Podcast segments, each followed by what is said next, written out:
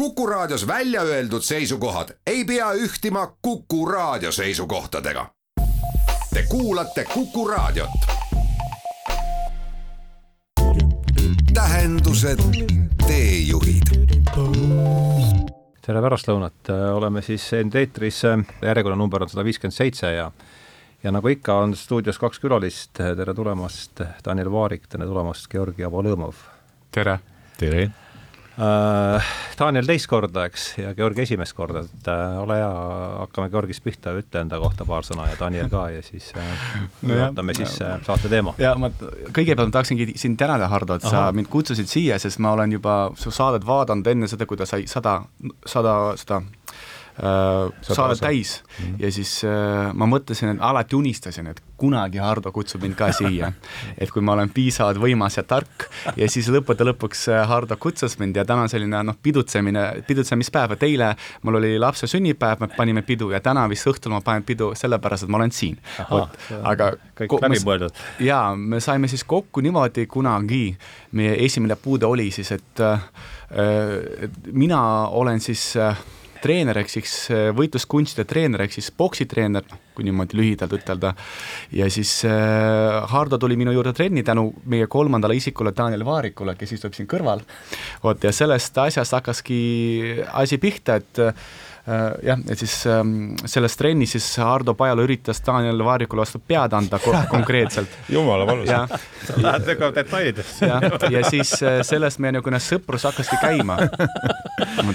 et see ei olnud niisugune sõprus, mis hakkab nagu sujuvalt niimoodi vaikselt suurema pauguga nagu. aga õnneks on see hea, et noh, jälle, et äh, kuna mul on noh, sellised kliendid nagu Daniel, nagu sina, Hardo, on ju, kes noh meeldib mitte ainult, ma ei tea, pumbata lihaseid, vaid ka mõelda.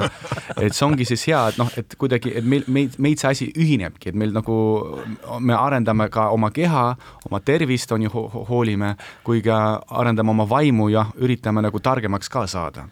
vot ja vot ja sellepärast jah, et viimased ma ei tea, kuus aastat, ehk siis ma olen tuntud äh, siin Eestis noh omas sellises keskkonnas, sportlikus keskkonnas kui Äh, treener kui poksitreener, äh, kui võitluskunstide treener, noh, sest ma treenin MM-ad ka ja siis noh, klassikalist kick-poksi või tai-poksi või siis kõiki asju, millega saab nagu lüüa mm -hmm. teist inimest, vot ka põlved ja küünarnukid, aga kui kahe sõnaga, siis ma olen jah, poksitreener ja sa töötad ju ka te,, teil on omavahel ka sihuke professionaalne ju mm -hmm.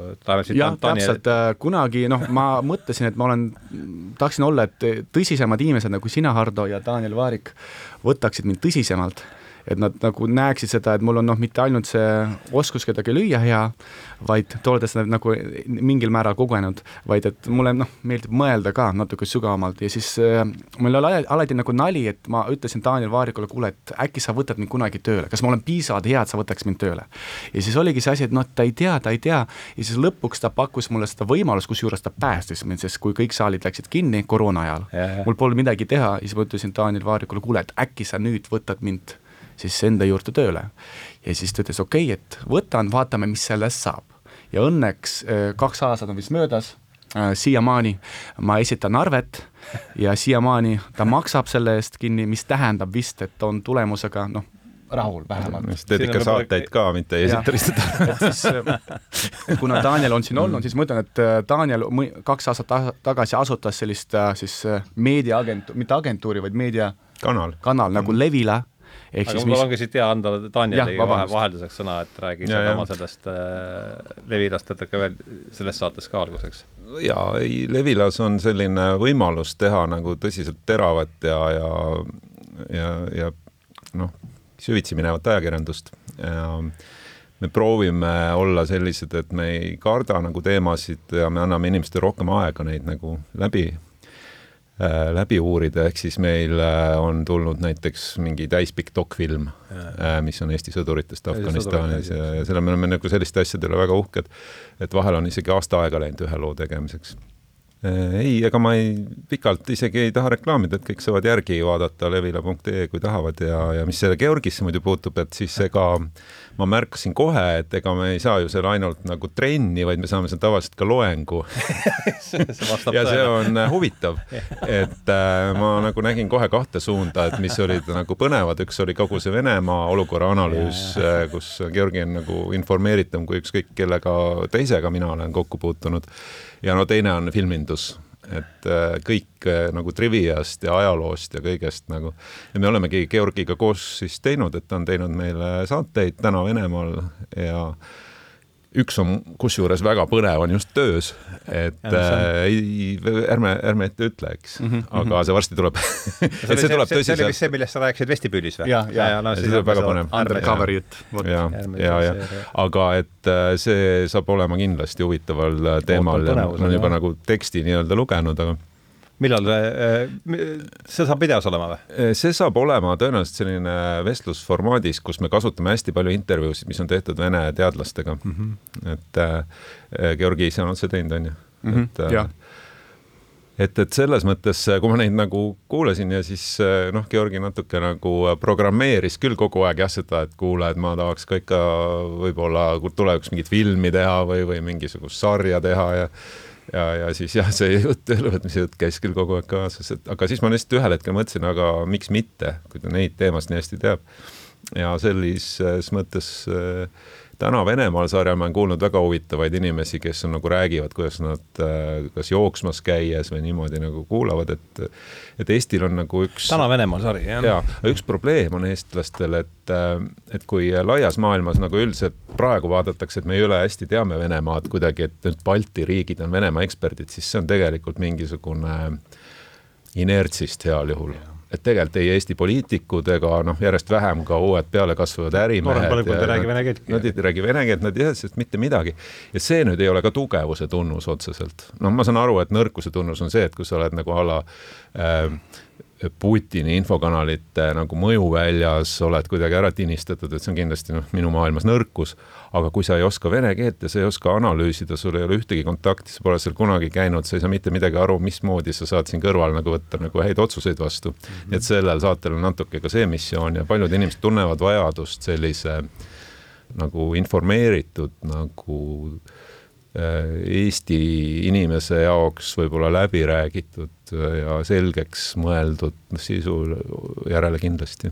kui palju sul juba on neid seal äh, selles Täna Venemaal sarjas neid äh, see on hea küsimus, ma ei tea, kui palju on, et aga, aga ma ei tea, kindlasti võib-olla üle kümne, aga, aga nad on, need on nagu päris suured, et selles ja. mõttes nad ei ole nagu, nagu väga väiksed, et, et seal iga sõna on seal nagu, igal sõnal on seal oma koht, selles mõttes, et noh, ma loen oma teksti sisse, mida ma olen kirjutanud enne, on ju, ja see on nagu natuke võib-olla redakteeritud Danieli poolt ja siis jah, et tavaliselt see on nagu noh, kakskümmend minutit, kes kuusteist kuni kakskümmend minutit on üks saade niimoodi mingil teemal. ja põnev ongi see, et neid saab nagu tagantjärgi kuulata ja tegelikult nad noh, Need on Levila saidil siis, jah?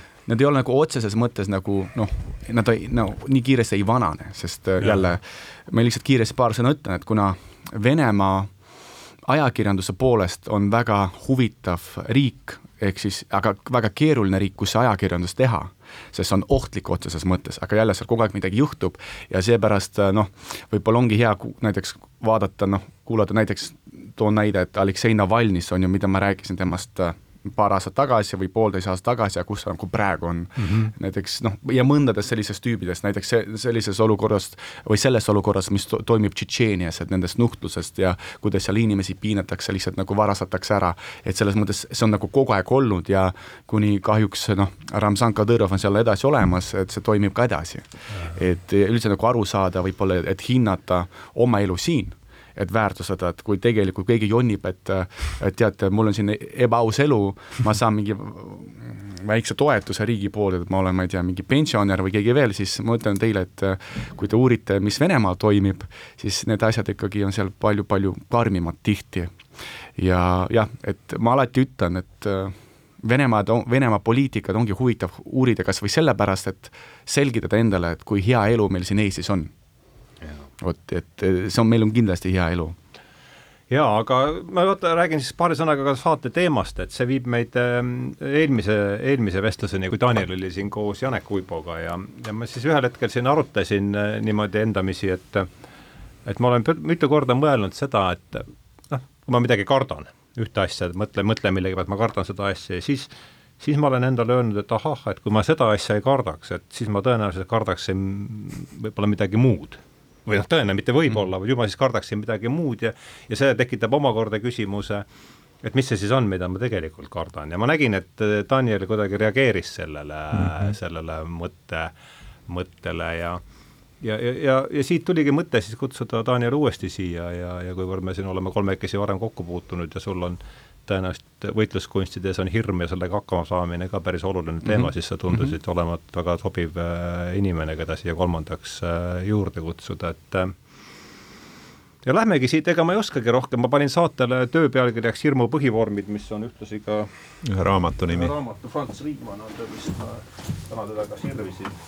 jah, ei Fritz Riimann siiski jah on ka siis selle raamatu pealkiri, ma ise lõbu nii kaaneskaanel läbi lugenud ei ole, ma olen mingi jooni, alla, allajoonimisi olin seal teinud, aga aga ega ma rohkem ei oskagi sissejuhatuseks midagi ütelda, et mis, ma ei tea, hakkame Danielist, Danielist pihta seekord, et sa tookord sellele mõttele äh, ma nägin, et sa sellele reageerisid kuidagi ja ju ta siis mingil määral kõlas kaasa, et, et võtage siit võib-olla siis mm, teatepulk üle. ma ei, ei, ise ei arva, et ma oleks nagu selles mõttes inimene, kes kardaks rohkem kui teised, aga see, mis sa ütlesid praegu ka, et meie maailm ongi selline, et kui sa et nagu hirm on nagu pidev justkui kogu aeg on mingisugune tohutu häire mm. -hmm, ja eriti meedias, eks? meedias eriti ja siis äh, jääb nagu mulje, et, et hirm peab olema mm. -hmm. et äh, isegi nagu imelik on, kui sul seda ei ole mm, -hmm. sest et äh, noh, kui sul ei ole nagu mingisuguse haiguse hirmu, siis sul on mingi kellegi kallaletungi hirm äh, siin Eestis näiteks või, või sul on nagu äh, mingi hakkamasaamise hirm, et a la või kuidas lapsed on või, või, või mingisugune, et mis saab, kui tööd ei ole ja ja, ja lõpptulemusena ongi see, et see muretsemise seisund muutub nagu põhiseisundiks mm -hmm. ja ma ei tea, et äh, mulle tundub, et see ka muudab inimest üldse kui nagu, ma ei tea, liiki võib-olla mitte, aga kui eh, noh, ühiskonna osakest, et et kui see vastab tõele, jah, kui, kui näiteks vastab tõele ja seda paljud väidavad, et me kardame tänapäeval rohkem, kuna noh, iga, igas kord on selles hirmuaknas mingi uus hirmus nägu, on ju. Mhm. et kui see vastab tõele, siis me ilmselt oleme ka teistsugused inimesed see on üks hea põhjus, miks uurida seda asja mm. -hmm. ja no muidugi ma olen ise selles hirmu, äh, noh, ma olen ikka palju nagu kartnud elus, et äh, alustame sellest, et mina olen kasvatatud nagu vanaema poolt ja minu jaoks ja mulle tundub, et me isegi eelmine saade rääkisime sellest, et minu jaoks oli see asi, et, et, et kogu aeg on see sõda nii reaalne olnud, sest mulle on tulnud see otseallikast et vaata hästi paljud äh, minu põlvkonna inimestel on tulnud see läbi vahendatud allikate. mis sa mõtled selle? noh, vanaema oli mu põhiline nagu vanem. tema oli see, kes rääkis nagu otse, noh, sa tead. tal oli endal sõjakogemus. see oli see, mul oli see, et olgugi, et seal oli äh,, minu sünd oli seal siis äh, seitsekümmend kolm, on ju, et seal on nagu mitukümmend aastat vahet, on ju mul oli see nagu nii reaalne ja seetõttu ma olen kogu aeg kandnud nagu seda teemat endas. tähendab, sa viitad sellele, et vanaemal oli endal ja viitan sellele ja, ja just, just mm. -hmm. ja, ja et noh, see tundub nagu eile kogu aeg, kui sulle seda kodus niimoodi räägitakse, et see asi on mind nagu läbivalt kandnud läbi selle äh, nagu ütleme, karjääri isegi, ma olen kogu aeg teadnud, et ja, ja et see on nagu ajutine, et sul on nagu mingi rahuseisund, et kogu aeg nagu noh, isegi kui ma midagi kirjutan, ma kirjutasin selle raamatu praktika aruanne, ma siis panin sinna refrääni sisse mingeid asju, kus äh, oli nagu äh, näidatud selle nagu ajaloo rütmilisust, et jälle mingid pommitamised, jälle ehitatakse midagi üles, jälle pommitamine, meie nagu ajalugu siin kandis on selline nagu nagu mingi sinusoid, et kogu aeg käib see nagu mingi rütm nagu trummipõrin mm, -hmm. et sa hakkad tulema kuskilt Liivi sõjast ja võib-olla ta ei ole täpselt ühesuguste vahedega, aga noh, laias laastus ta on regulaarne et see sõda on regulaarne asi meie piirkonnas on ju. ja see asi ja siis võtad selle, et äh, mikrovormis äh, mingisugune niisugune sõda oli mul oma tänaval, kui ma olin ja ma arvan, et Georgi võib enda tänavast rääkida võib-olla midagi sarnast, ma ei tea. sa, sa ikka Lasnamäe kandis? ei, ma olin Tartust, aga noh, mul oli selline tänav, kus oli kõiki rahvusi, meil oli seal valgevenelased, ukrainlased, venelased äh, ja eestlased, aga mulle tundus, et et laias laastus oli vist nii, et ütleme, kuuskümmend protsenti olid mujalt Nõukogude Liidust ja siis noh, nii-öelda kas tulnud sinna tööle mingitesse tehastesse vanemate lapsed või midagi ja meil oli nii, et äh, ma olin natuke. pinge oli õhus ikka? ja see pinge oli nagu vahel ei olnud, vahel oli, aga et põhimõtteliselt oli selliseid perioode, kus ma tulin oma tänavale niimoodi, et ma piilusin enne vihmaveetoru vahelt, kes seal tänaval on. ja siis ma teadsin, kas ma lähen üle kuurikatuste puuriitate vahelt tagauksest. ja sellega oli veel selle noh, valikuga oli veel oma riskid, et kui nad siis vahepeal sinna olid liikunud, siis oli täiesti perses. Siis hakati kiusama nagu see, no ma ükskord tulin üle kuuri katuse ja siis seal oli, need tüübid olid näinud ja ma piilusin, nad olid seal ees ja siis ma tulin üle kuuri katuse, siis võtad kolks koolikotti järele ja siis vaatad, kõik on seal tähendused, teejuhid küsikski seda Vene, Vene poole pealt, et mis on üldse Putini vastase mingi opositsiooni sellised võimalused praegu või et kuidas sina seda tunned? no jälle, kui et... võimalused ongi seal sellised, et äh, kui see noh, mul enne sõda oli selline teooria mm, -hmm. et äh, noh, kuna mul kogu aeg ütlen, mulle väga meeldib ajalugu, mulle meeldibki ajalugu, et ma olin päris hea koolis selles, et mul oli, tegin riikliku eksami, mis oli ka nagu väga kõrgelt palju, et ma mäletan lihtsalt meie kooli ajalootunnidest, et Esimene maailmasõda Mm -hmm. mis seal oligi, et noh, et siis Nikolai Teine seal läks appi või siis noh, ütleme, et hakkas siis esimeses maailmasõjas osalema ja seal oligi see asi, et äh, need paljud sõdurid ei näinud põhimõtted selles sõjas lõppude lõpuks ja siis tulid tagasi, siis nägid, et noh, et et miks me üldse võitleme ja siis tegelikult needsamad sõdurid koos relvadega hakkasidki nagu pundideks minema ja siis hakkasid opositsiooni pool toetama. ja siis ma ütlesingi, et äh, kõik alguses kartsid sõda ja siis mõtlesin, aga ainuke variant, kuidas Putin üldse nagu ära saab minna kiiremas ajas. sama asja. ja et see asi nagu korduks, et kui nagu see noh, mõttetuse nagu ma ei tea, see protsent on nii suur, et lihtsalt, et needsamad inimesed, noh, kes tulid sõjast tagasi, no kas emad, kes ütlevad, et meie lapsed on surnud, noh, või need sõdurid, kes tulevad tagasi, enam ei suuda nagu seda asja nagu toetada aga me, me loodame jälle, et nendel nagu mõistus ja siis need nagu kuidagi ühinevad ja siis nad hakkavad nagu, nagu vastu toimetama.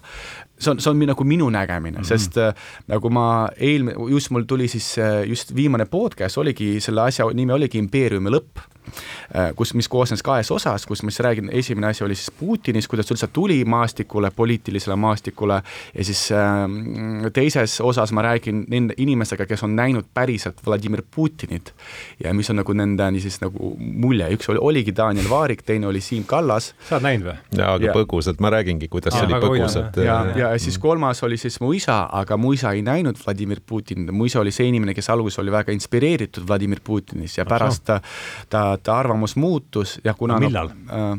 no vot ah,, tema räägib Ätu... seal, et, et see on nagu peale seda Kursk allveelaeva uppumist ah,. aga miks, miks mu isa on, on seal ka, et mu isa tänapäeval on põgenik, ta pidi põgenema Kiievist ja on praegu Poolas. Et selles mõttes ta on otseselt nagu selle konfliktiga nagu noh äh,, nagu seotud nii-öelda, et, et ja nüüd ta sõidab Poolas äh, Bolti, annab toitu. No. enne mängis teatris äh, Kiievis, nüüd sõidab Boltis, Poola Boltis ja annab äh, toitu, nii, niimoodi see ongi. Ja tema laps, noh, ehk siis minu poolvend peab õppima Poola koolis ja nii edasi, et see oli nagu huvitav, et äh, ma küsisin, mäletad isa, et sa mäletad, ütles, et Putin nii kõva tüüp oli nii õnnelik, kui ta tuli. aga paljude jaoks tuligi välja, et oligi niisugune võrreldes Jeltsin. ja siis jah, et mina arvan, et jaa, et kui see siis, nojah, see selle impeeriumi lõpu see leitmotiiv ongi see, et ma toon siis sellise tsitaadi, et iga impeerium on alati hävitanud seesmiselt, mitte ja. väljaspoolt. ja ma arvan, et see asi peabki juhtuma seal Venemaal, millal see hetk tuleb, nagu alati, keegi täpselt ei tea. aga ma usun, et me oleme äh, väga-väga lähedal, sest nagu kui see Nõukogude Liit lagunes, see oli ka suht ootamatu ja järsk. niimoodi, et asi niimoodi hakkas nagu tulema. sest jah, aga no praegu on erinev info, kui me räägime natuke paar sõna veel sellest, et äh, näiteks on üks selline Ukraina blogija, kes hakkas, tegi üle kahekümne, üle kahesaja intervjuu äh, Vene, Venemaa kaitseväe või sõjaväe nende tegelastega, kes mhm. sattusid mm -hmm. siis äh, noh, Ukraina sõdurite vangi vene keeles on siis see plen mm.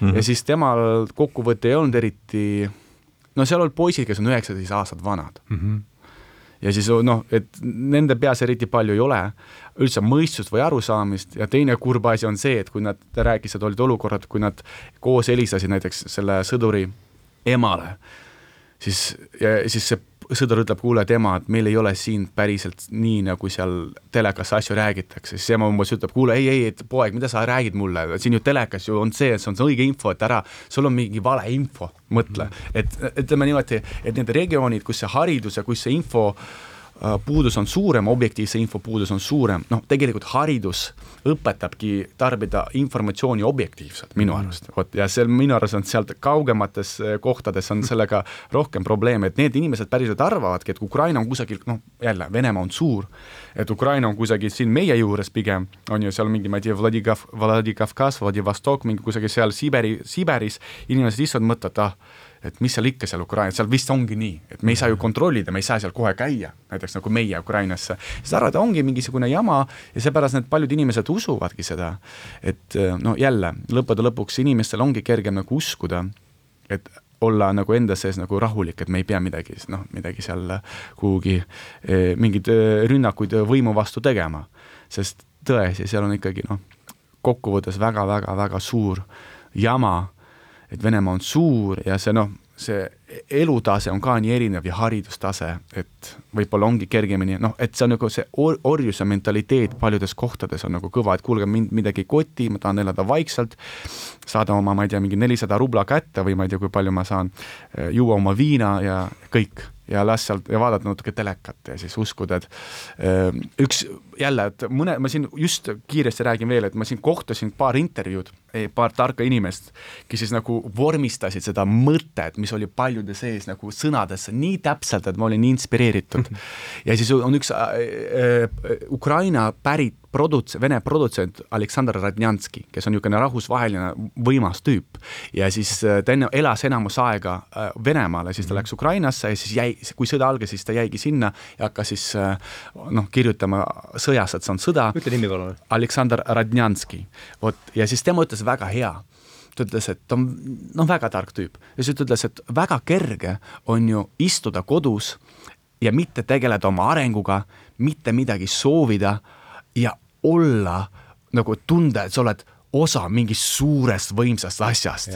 ja siis ma sain aru, kurat, et ta ütles nii täpselt, et tõesti, et paljud inimesed Venemaal, nad ei tahagi olla, nad ei tahagi tegeleda enesearenguga, nad ei taha saada haridust, nad ei taha jõuda kuhugi, kas oma ametis või oma äris või kusagil veel, nad lihtsalt tahavad ütelda, ma olen venelane ja ma olen osa mingist suurest asjast mm. -hmm. ja seepärast see müüt lähebki nii hästi pähe, sest sa ei pea midagi tegema, et olla võimas saad aru, sa ütled, ma olen venelane ja, ja kõik ja kõik nüüd kardavad mind, aga ma ei tee, joon ainult viina ja siis ropendan, aga kõik juba kardavad mind, ma olen venelane.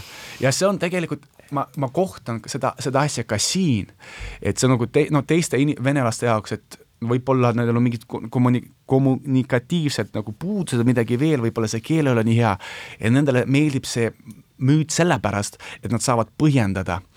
et mul siin küll, küll ei läinud hästi muidugi mingi välispõhjused, aga vähemalt ma olen osa millestki suurest. ja, ja. seepärast, kas ma fännan Putinit, sest Putinit kõik kardavad siin Euroopas, või siis ma fännan üldse mingi Nõukogude Liitu, see on kolmas teema, sest nagu, et Nõukogude Liit oli äge, sest tegelikult noh, et kõik tahavad olla võrdsed, aga nagu ütles mu lemmikajakirjanik, kes on ka praegu hädas, Vladimir Posner, et Nõukogude Liidu probleem oli see, et ta tegi kõik võrdseks, aga mitte niimoodi, et kõik oleks võrdsed ja rikkad, vaid kõik oleks võrdsed ja vaesed vot aga hästi, sul olid tsaariga kokku puutunud?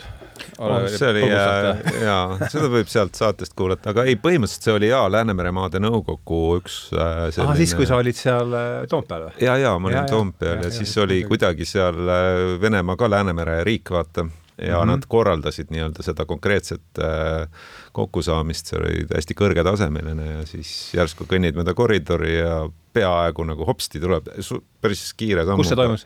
Äh, Peterburis, aga ma ei tea, mis äh, nagu selle koha nimi ma ei mäleta enam. aasta võis olla siis, mis ajal mingi kaks tuhat kaks, kolm. siis ta oli tulnud ikkagi alles just? jah, see Kasjanov oli igal juhul peaminister siis. ahah, Kasjanov. Kasjanoviga oli pikem kohtumine umbes sama suures ruumis nagu meie delegatsioonil. et seda ma kuidagi mäletan. mis temast on saanud ka? Tast sai vahepeal opositsionäär. ja ta oli, kusjuures ta tuli siin hiljuti mingi Eho Moskvõi, kus oli veel üleval ja siis ta andis niisuguse intervjuu, et ma kuulasin, et ma mõtlesin, kuradi tark mees, tahaks temaga mm. intervjuud teha, sest ta pole palju kaua olnud nagu mingi sellel noh, maastikul üldse üleval ja siis tegelikult praegu eesmärk ongi leida noh, rohkem ja rohkem neid kontakte, kes siis äh, kes siis on siis Venemaast, aga kes noh, on neid aegu mäletanud ja teadnud, et saada siis nagu rääkida otseselt kas Janov on ikkagi Venemaal praegu? ei, ma ei, ma ei, ma ei tea tegelikult, see on hea Mina küsimus, et me ei hakka. jaa, aga selles mõttes, et see on nagu minu isikliku kui täna Venemaal podcast'ide autori eesmärk, et saada nagu isiklikke kontakte. tasapisi need tulevad, mitte nii kergelt, aga no jälle, äge on rääkida inimesega, on ju, kes isiklikult on Putiniga töötanud, kõik võtab aega, aga kuidas see, kuidas see tsaariga kohtumise lugu seal edasi läks siis, et läksid äh, no mul on nagu see teooria, et tegelikult äh, iga inimese puhul, kui sa oled kasvõi korraks teda näinud, sul tekib mingi väike lisanurk. ma olen tegelikult näinud Bill Clintonit, George W Bushi, Donald Rumsfeldti ja igasuguseid tüüpe, onju. Mhm. ja, ja ma ei tea, mis see on, aga see on nagu midagi sellist, mis ei ole nagu läbi ekraani ei ole päris sama. sa näed, kuidas tal pilk käib ja siis näed, kuidas ta žestikuleerib ja no nii edasi. aga ma noh, ei jah, tähtsustaks seda kohtumist nagu üle, aga kuna Georgi seda kuulis ja kutsus seda nagu põgusat asja seal nagu lahti rääkima ja siis me saime sealt sellest juba muid teemasid rääkida, et et siis see tuli nagu jutuks, jah ja et kui me nagu võime kasutada seda ruumi, siis mõtleme, et äh, täna Venemaal podcast, et siis impeeriumi lõpp on selle osa nimi, et kui kellelgi on huvitav, mis Siim Kallas kohtu- Impeeriumi Put- lõpp, ja. Putini äh, kohtumisest ta arvas üldse Putinist ja ta on kohtunud ka Putini sõbraga, Sergei Ivanov, vot kes on ka luurest, kes on ka praegu mingisugune minister seal, et siis ta räägib päris huvitavalt ja, ja impeeriumi lõpp on siis impeeriumi lõpp ja, ja täpselt. Ja seal on kaks osa. et eh, päris huvitav. Ja tegelikult jälle kiiresti räägin, et kuna ma olen Vene maa, noh, Vene kultuur, veel kultuuriruumist pärit, siis tegelikult ja kunagi me mõtlesime, et kõik see Nord Stream on jama ja et, et me ei pea NATO-sse minema, aga tegelikult äh, rääkides siis Siim Kallasega ja siis Daniel Vaarikuga, tegelikult nad nägid seda ohtu, et me ole- me oleme kunagi selles hetkes, kus me täna oleme või, või, või kus Ukraina on täna, on ju, kui meie astuks NATO-sse, võib-olla me oleksime täna selle mm -hmm. Ukraina asemel, et nad räägivad siis, mis olid need põhjused või märgid, et miks äh, siis äh, Venemaa hakkas juba sinnapoole minema. Ja, kui kellelgi on huvitav, siis noh, et see, need jutud on seal ilusti olemas ja mina sain ka palju äh,, palju targemaks ja mul oli, tekkis palju rohkem inspiratsiooni, et kui alguses ma mõtlesin, et, et need Eesti poliitikud teevad mingi jama, et nad nii kardavad Venemaad, siis tänapäeval ma saan aru, et tegelikult need olid väga targad inimesed, kes mm. neid, kes neid otsuseid nagu tegid. sa tahtsid öelda vahele? ei, mulle tunduski, et tol ajal oli see reaalne nagu analüüs oli igal pool sama, et, et see ei olnud mingi ühe inimese tarkus, vaid üldiselt äh, oli hästi suur grupp inimesi, kes kõik tegutsesid ühe asja nimel, mida Lennart Meri oli ka umbes sõnastanud niimoodi, et ega need aknad, mille jooksul, mis on avatud, on avatud ainult korraks mm -hmm. liikuda Euroopa see on suunas. see Bolšerovitši Jah, erakordsed, erakordsed võimalused. jah, ja see oli, selles oli tal õigus ja noh, Eesti kuidagi suutis mobiliseerida ennast, et nii kiiresti nagu liituti ja tõmmati tegelikult, ma arvan, me olime eestvedaja isegi Balti riikide mõttes onju. et väed sealt üldse välja saadi. et väed üheksakümmend neli vist välja saadi et ühesõnaga see käis hästi kiire ja üht mitte nagu ma ei ülista mingit ühtset mõtlemist, aga, aga lihtsalt ühe eesmärgi nimel ikkagi hästi palju inimesi tegi tööd se- sedasi, et nad teadsid, mis on kaalul. Ja minu meelest see lõppeski täpselt sellel hetkel ära, kui see eesmärgid nagu mõnes mõttes saavutati, nagu kõige viimane asi, siis põhimõtteliselt nagu NATO-ga liitumine. Aga ma ei hala nagu seda taga, ma lihtsalt ütlen, et vahel ongi, mõned asjad on selged mm -hmm. ja siis tuleb nende nimel, äh, on nagu rõõm, kui äh, suudetakse ka tegutseda. aga vahel haruldane see ikka tagantjärele jah, tundub. aga palju äh, keerulisem on nagu niisuguse rahu ajal, kus, mis meil siis tekkis, see nullindate teine pool, kus tegelikult tundus kõik Indrek Neiveltid ja käisid ja nagu rääkisid, et mis, mis te räägite, et Venemaa ei ole ju ammu enam mingi oht, onju. see oli nagu, ta kogu aeg rääkis seda no kui see Medvedjev tuli lavale, siis võib-olla tunduski niimoodi. jah, aga et, et siis, siis äh, samal ajal kadus meil nagu see suur äh, hirm ära ühest küljest ja, ja siis me hakkasime tegelema mingisuguste väikeste ja, ja selliste tillukeste asjadega. Ja tegelikult ongi kunst, kuidas nendega tegeleda nii, et sa teedki tegelikult igapäevaelus äh, oluliselt palju head. Et sa saadki nendega tegeleda, aga jäi igatsus mingite suurte vastasseisude vastu. Mm.. minu meelest siis hakati neid nagu leiutama mm.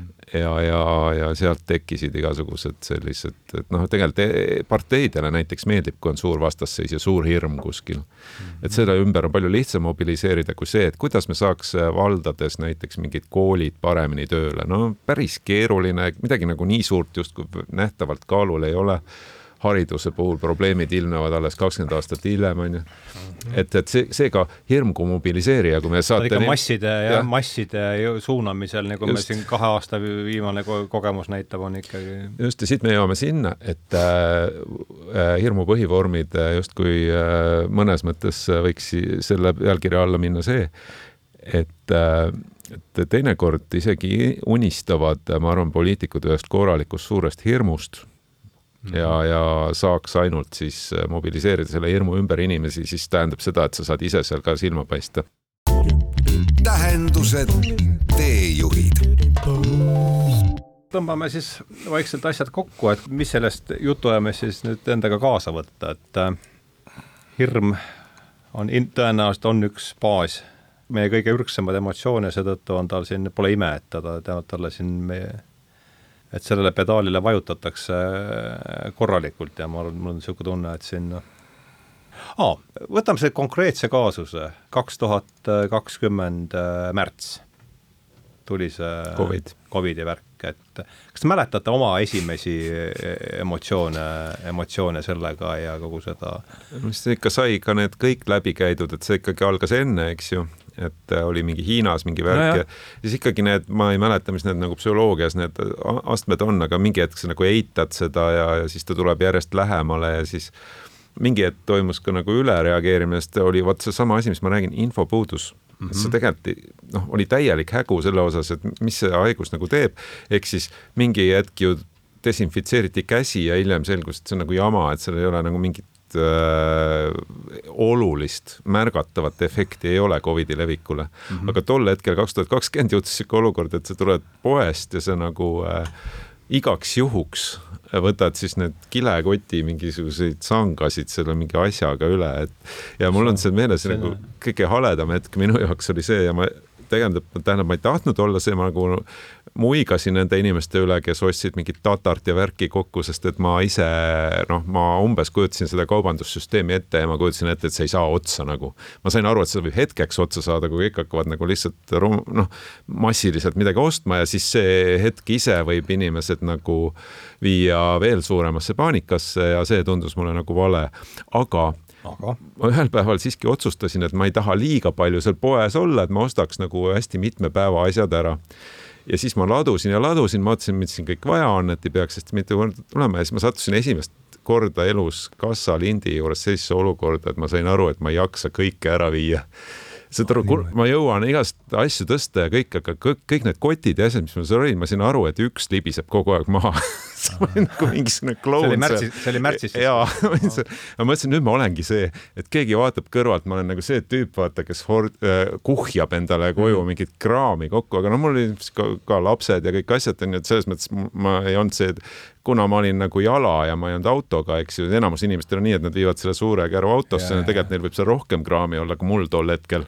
aga mina lihtsalt arvasin, ma viin nad nagu kahe käega ära ja siis see oli nagu selline, see on ikka nii koomilist, piinlik hetk, nagu ma mõtlesin, ma olengi nüüd see tüüp, vaata.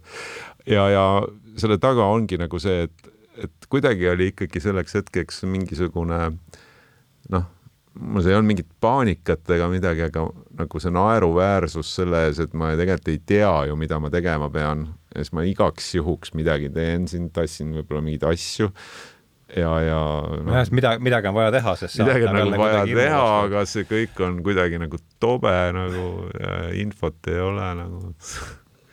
Ma mäletan, et, et jah, et kui Daniel siis äh,, see oli tä täiesti hirmu koht minu jaoks, sest äh, mäletate, seal oli täielik lockdown. Ja, -hmm. ja siis kõik, kõik, esiteks kõik saalid läksid kinni kohustuslikult. Mm. -hmm. teiseks kõik platsid, spordiplatsid läksid kinni. Läksid, välisplatsid läksid ja, ka, jah. ja siis ma lihtsalt mm -hmm. mõtlesin, et noh, kuna ma ikkagi pean noh, suht palju töötama, et noh, et tegema, lubama endale seda elu, mis mul on ja siis ma nagu lihtsalt sattusin niisuguse olukord, okei okay,, mis nagu, mis nüüd saab, sest mida, kuidas ma nüüd, ma, ma mõtlesin, okei okay,, ma pean nagu oma selles korteris, kus ma praegu olen nagu kuhugi kolima mingi kuhugi täiesti teise kohta, kus ma nagu pärit olen, igasugused mõtted läksid nagu, nagu mis nüüd saab ja tegelikult äh, see Daniel Vaarik, kes siin kõrval istub tema päästiski mind, siis mõtlesin, kuule, et ta pakkuski mulle seda ajakirjandustööd, sest ma alati rääkisin, et, kuule, et äkki teeme midagi Venemaas, sa ju räägid mulle kogu aeg trennides seda. ja siis, kui ma kirjutasin äh, seda esimese nii-öelda pilootasja valmis, siis noh, Daniel Vaarik äh, mõtles, et see on isegi parem, kui ta arvas, et võime teha. Ja siis tegelikult sellest asjast hakkaski see, nagu see töö pihta, mis, mida ma praegu kombineerin ja ma olen väga õnnelik, sest tegelikult ma, mulle meeldib väga sport, aga kõigepealt ma olen ikkagi loominguline inimene, kes on alati kirjutanud luuletusi, laulusõnu, ma ei tea, teinud bände ja nii edasi, et see on nagu osa minust, see on suurem isegi osa minust kui sportlooming. vot, ja teine asi oli see, et peale seda mu, üks mu klientidest, üks ärimeestest, ta tahtis ka väga trenni teha, ta ütles, kuule, et Georgi, et mul on üks suur ruum, et äkki ehitame siis seal saali Mm -hmm. ja siis me hakkasimegi ehitama ja see andis nagu noh, see andis niisuguse järgmisteks lockdown ideks andis meile niisuguse nagu sa-, nagu, nagu kuidas ütelda, noh, Zapasnoja aerodrom, see vene keeles, et nagu veel ühe varu lennuväli. ja täpselt, kus me nagu siiamaani teemegi neid asju ja siis jälle see oligi see näide, et iga kriis, nagu on ju hiinlased siis ütlevad, on ju, või siis jah, et, et viib, et see on tegelikult võimalus. antud hetkel see oli nagu täiesti väga hirmus minu jaoks. see, mitte see haigus, vaid see, mis sellega kaasneb, et kuidas see elu. naisele, et, et ma, et ma ei tea, mis, ma ei tea, mis ma nüüd pean tegema, ma lihtsalt ei tea.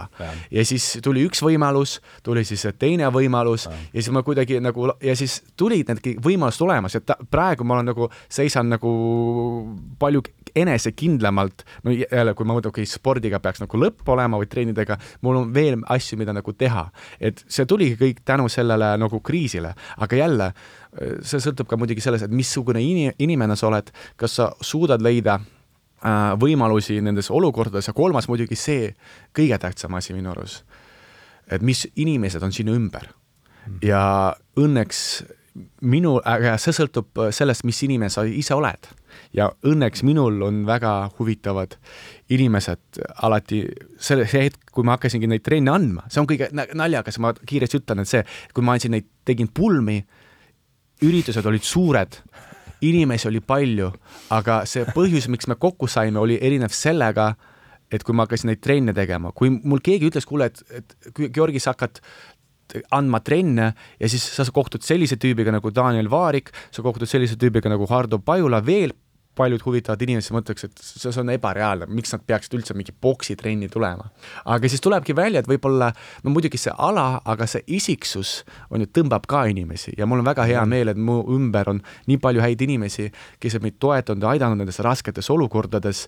Ja jah, et ma olen lihtsalt väga õnnelik veel kord, et just sellepärast, et vist see on sellepärast, et ma tegelen ikka selle asjaga, mis mulle meeldib ja mis ma arvasin, et on õige ja täna need teised inimesed tunnevad seda. Mm. ja vastupidi, kui sa tegeled mingi muu asjaga, mis sulle võib-olla ei meeldi, aga mis sa arvad, mis on äge või fancy, siis see on ka tunda, see võltsvärk, seepärast minu võib-olla see soovitus ongi, et ärge kartke, inimesed, tehke seda, mis teile tõesti meeldib, sest nagu ma ükskord tegin ühte motivatsioonivideot, varem või hiljem meie elu lõpeb ja kui me elame meie viimaseid päevi, siis me hakkame kindlasti küsima ennast, et mida ma siin, siin elus siis tegin ja kui ma ei teinud seda, mis ma tegelikult terve elu tahaksin teha, no siis ma, ma ei tea, mis, mis, mis on selle inimese peas, kes sureb, teab, ta sureb mingi nädala pärast ja ta teab ka seda, et ta ei teinud oma elus seda, mis ta alati tahtis teha.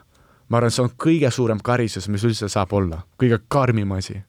vot no kena, aga viimane küsimus siis veel, et mis te arvate, kas äh, punkt üks, et mis, kas äh, Covidi tondile puhutakse sügisel veel uuesti elu sisse või, või Ei, mis üldse, mis üldse arvan, sügisel äh, teie arvates hakkab juhtuma? minu meelest see Covidi probleem on hoopis olnud just selles, et temast ei saadud algul aru, mis ta on ja see tekitas palju suurema probleemi mm. -hmm, et tänaseks on tast saanud haigus, millest teatakse palju ja see on hoopis teine olukord et äh, mina ei tea, mis äh, poliitikad selle ümber tulevad, aga see ei ole kindlasti enam sama olukord mm. -hmm. just see, et on rohkem infot asja kohta. rohkem infot ja ma arvan, ka tegutsetakse nagu täpsemini ja, ja isegi kui see peaks olema uuesti mingisugusel kujul, siis kindlasti mitte nii massiivsete ülereageerimistega nagu no mis mõttes taga, tagantjärele tark on alati tore olla, vaata, et ma ei taha olla tagantjärgi tark, aga lihtsalt ma ütlen, et selle konkreetse asja puhul ilmselt äh, olla, olla, on kõik juba rohkem ette järgi targad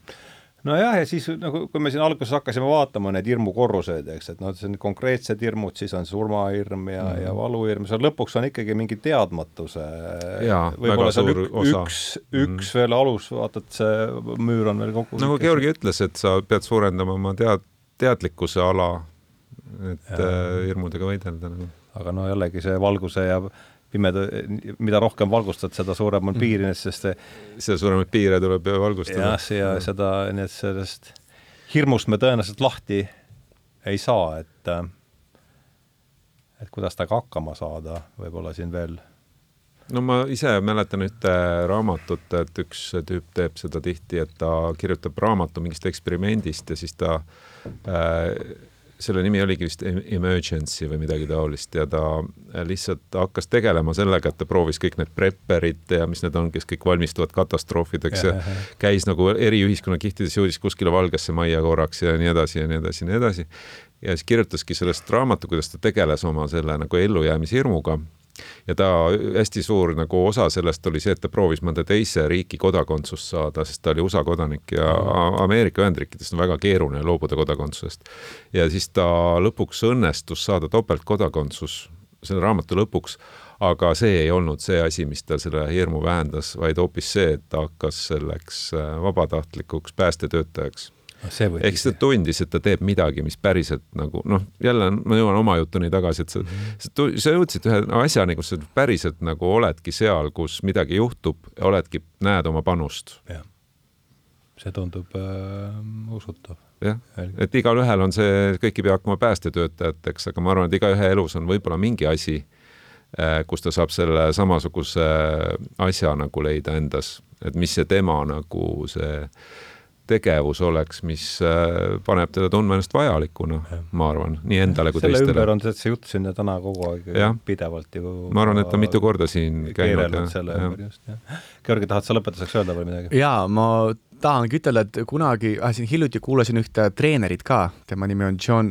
Danaher, et ta on ka Brasiilia jiu-jitsu treener, kes siis oli tegelikult äh, filosoofia professor. Ahah, ja siis ta hakkas noh, jälle nagu natuke võib-olla sarnane minule, et mul on ka nagu sa sarnane maa, nagu vaade üldse maailmale nagu filosoofiline, et siis ta väga hästi ka nagu räägib asjadest ja ta on ka suht tark tüüp ja ta ütles ühte asja, et nad rääkisid ka surmahirmust, siis ta ütles, et tegelikult me ei pea ju kartma äh, surma, surma mm. -hmm. ja siis ta, see Joe Rogan küsis, miks, see oli Joe Rogani jah. jah, siis ta ütles, sest tegelikult me oleme kõik juba nagu surnud mm, -hmm. olnud. siis ta mõtles, mis mõttes, ta ütles, et vaadake, noh, me millalgi ju sündisime, aga enne seda ju meid ei olnud mm -hmm. ja maailm kuidagi eksisteeris et miks me peame nagu muretsema selle eest nagu, et kui me läheme sinna, kus me juba kunagi, kus me juba kunagi tulime nagu kuhugi sinna, noh, selles mõttes me ei tea, kuhu, aga siis ma mõtlesingi tõesti, et mind ju kunagi ei olnud, mina ju ei kartnud seda, et nüüd ma nagu sünnin või nagu ja siis ma nagu lähen, elan siin, teen, üritan olla tubli ja siis äh, mind jälle siis mõnda aja pärast jälle ei ole. Ja siis ma mõtlesin, et tõesti, et kui mind ennem ei olnud ja mind jälle millegi, mingi aja pärast ei ole, siis miks ma nagu peaksin kartma et see on nagu minu jaoks nagu väga selline äh, niisugune nagu rahustav asi, et, et tõesti, et nagu et probleem võib-olla inimesel ongi see, et nad sünnivad ja tahavad elu lõpuni elada, see hirm tähendab, on see, et nad, see asi katkeb, aga sa ju, me ju, millalgi sa ju sai alguse. Ja enne seda siis meid ei olnud ja me läks, läheme lihtsalt sinna sama kanti, kust, kust me tulime. kuhu, kus see on, mina nagu ei tea, aga kas see üldse see kant on, aga selline nagu asi, või tähendab, see vaatenurk surmale mulle nagu meeldib nagu väga, et iseennast nagu rahustada. siin tuleb meelde sõber Jaagu sõnad, et, et ega see surm tõenäoliselt kerge, suremine ennast kerge ettevõtmine ei ole, aga et mis siin, mis siin elus ikka lihtsalt on, et võib-olla selle tõdemusega tõmbamegi siis sellele joone, vestlusele joone alla, et aitäh, Georgi, aitäh, Daniel. aitäh. ja aitäh kõigile, kes on teinud sarja võimalikuks ja lähme siis äh, vastu uutele väljakutsetele. võimas. tähendused, teejuhid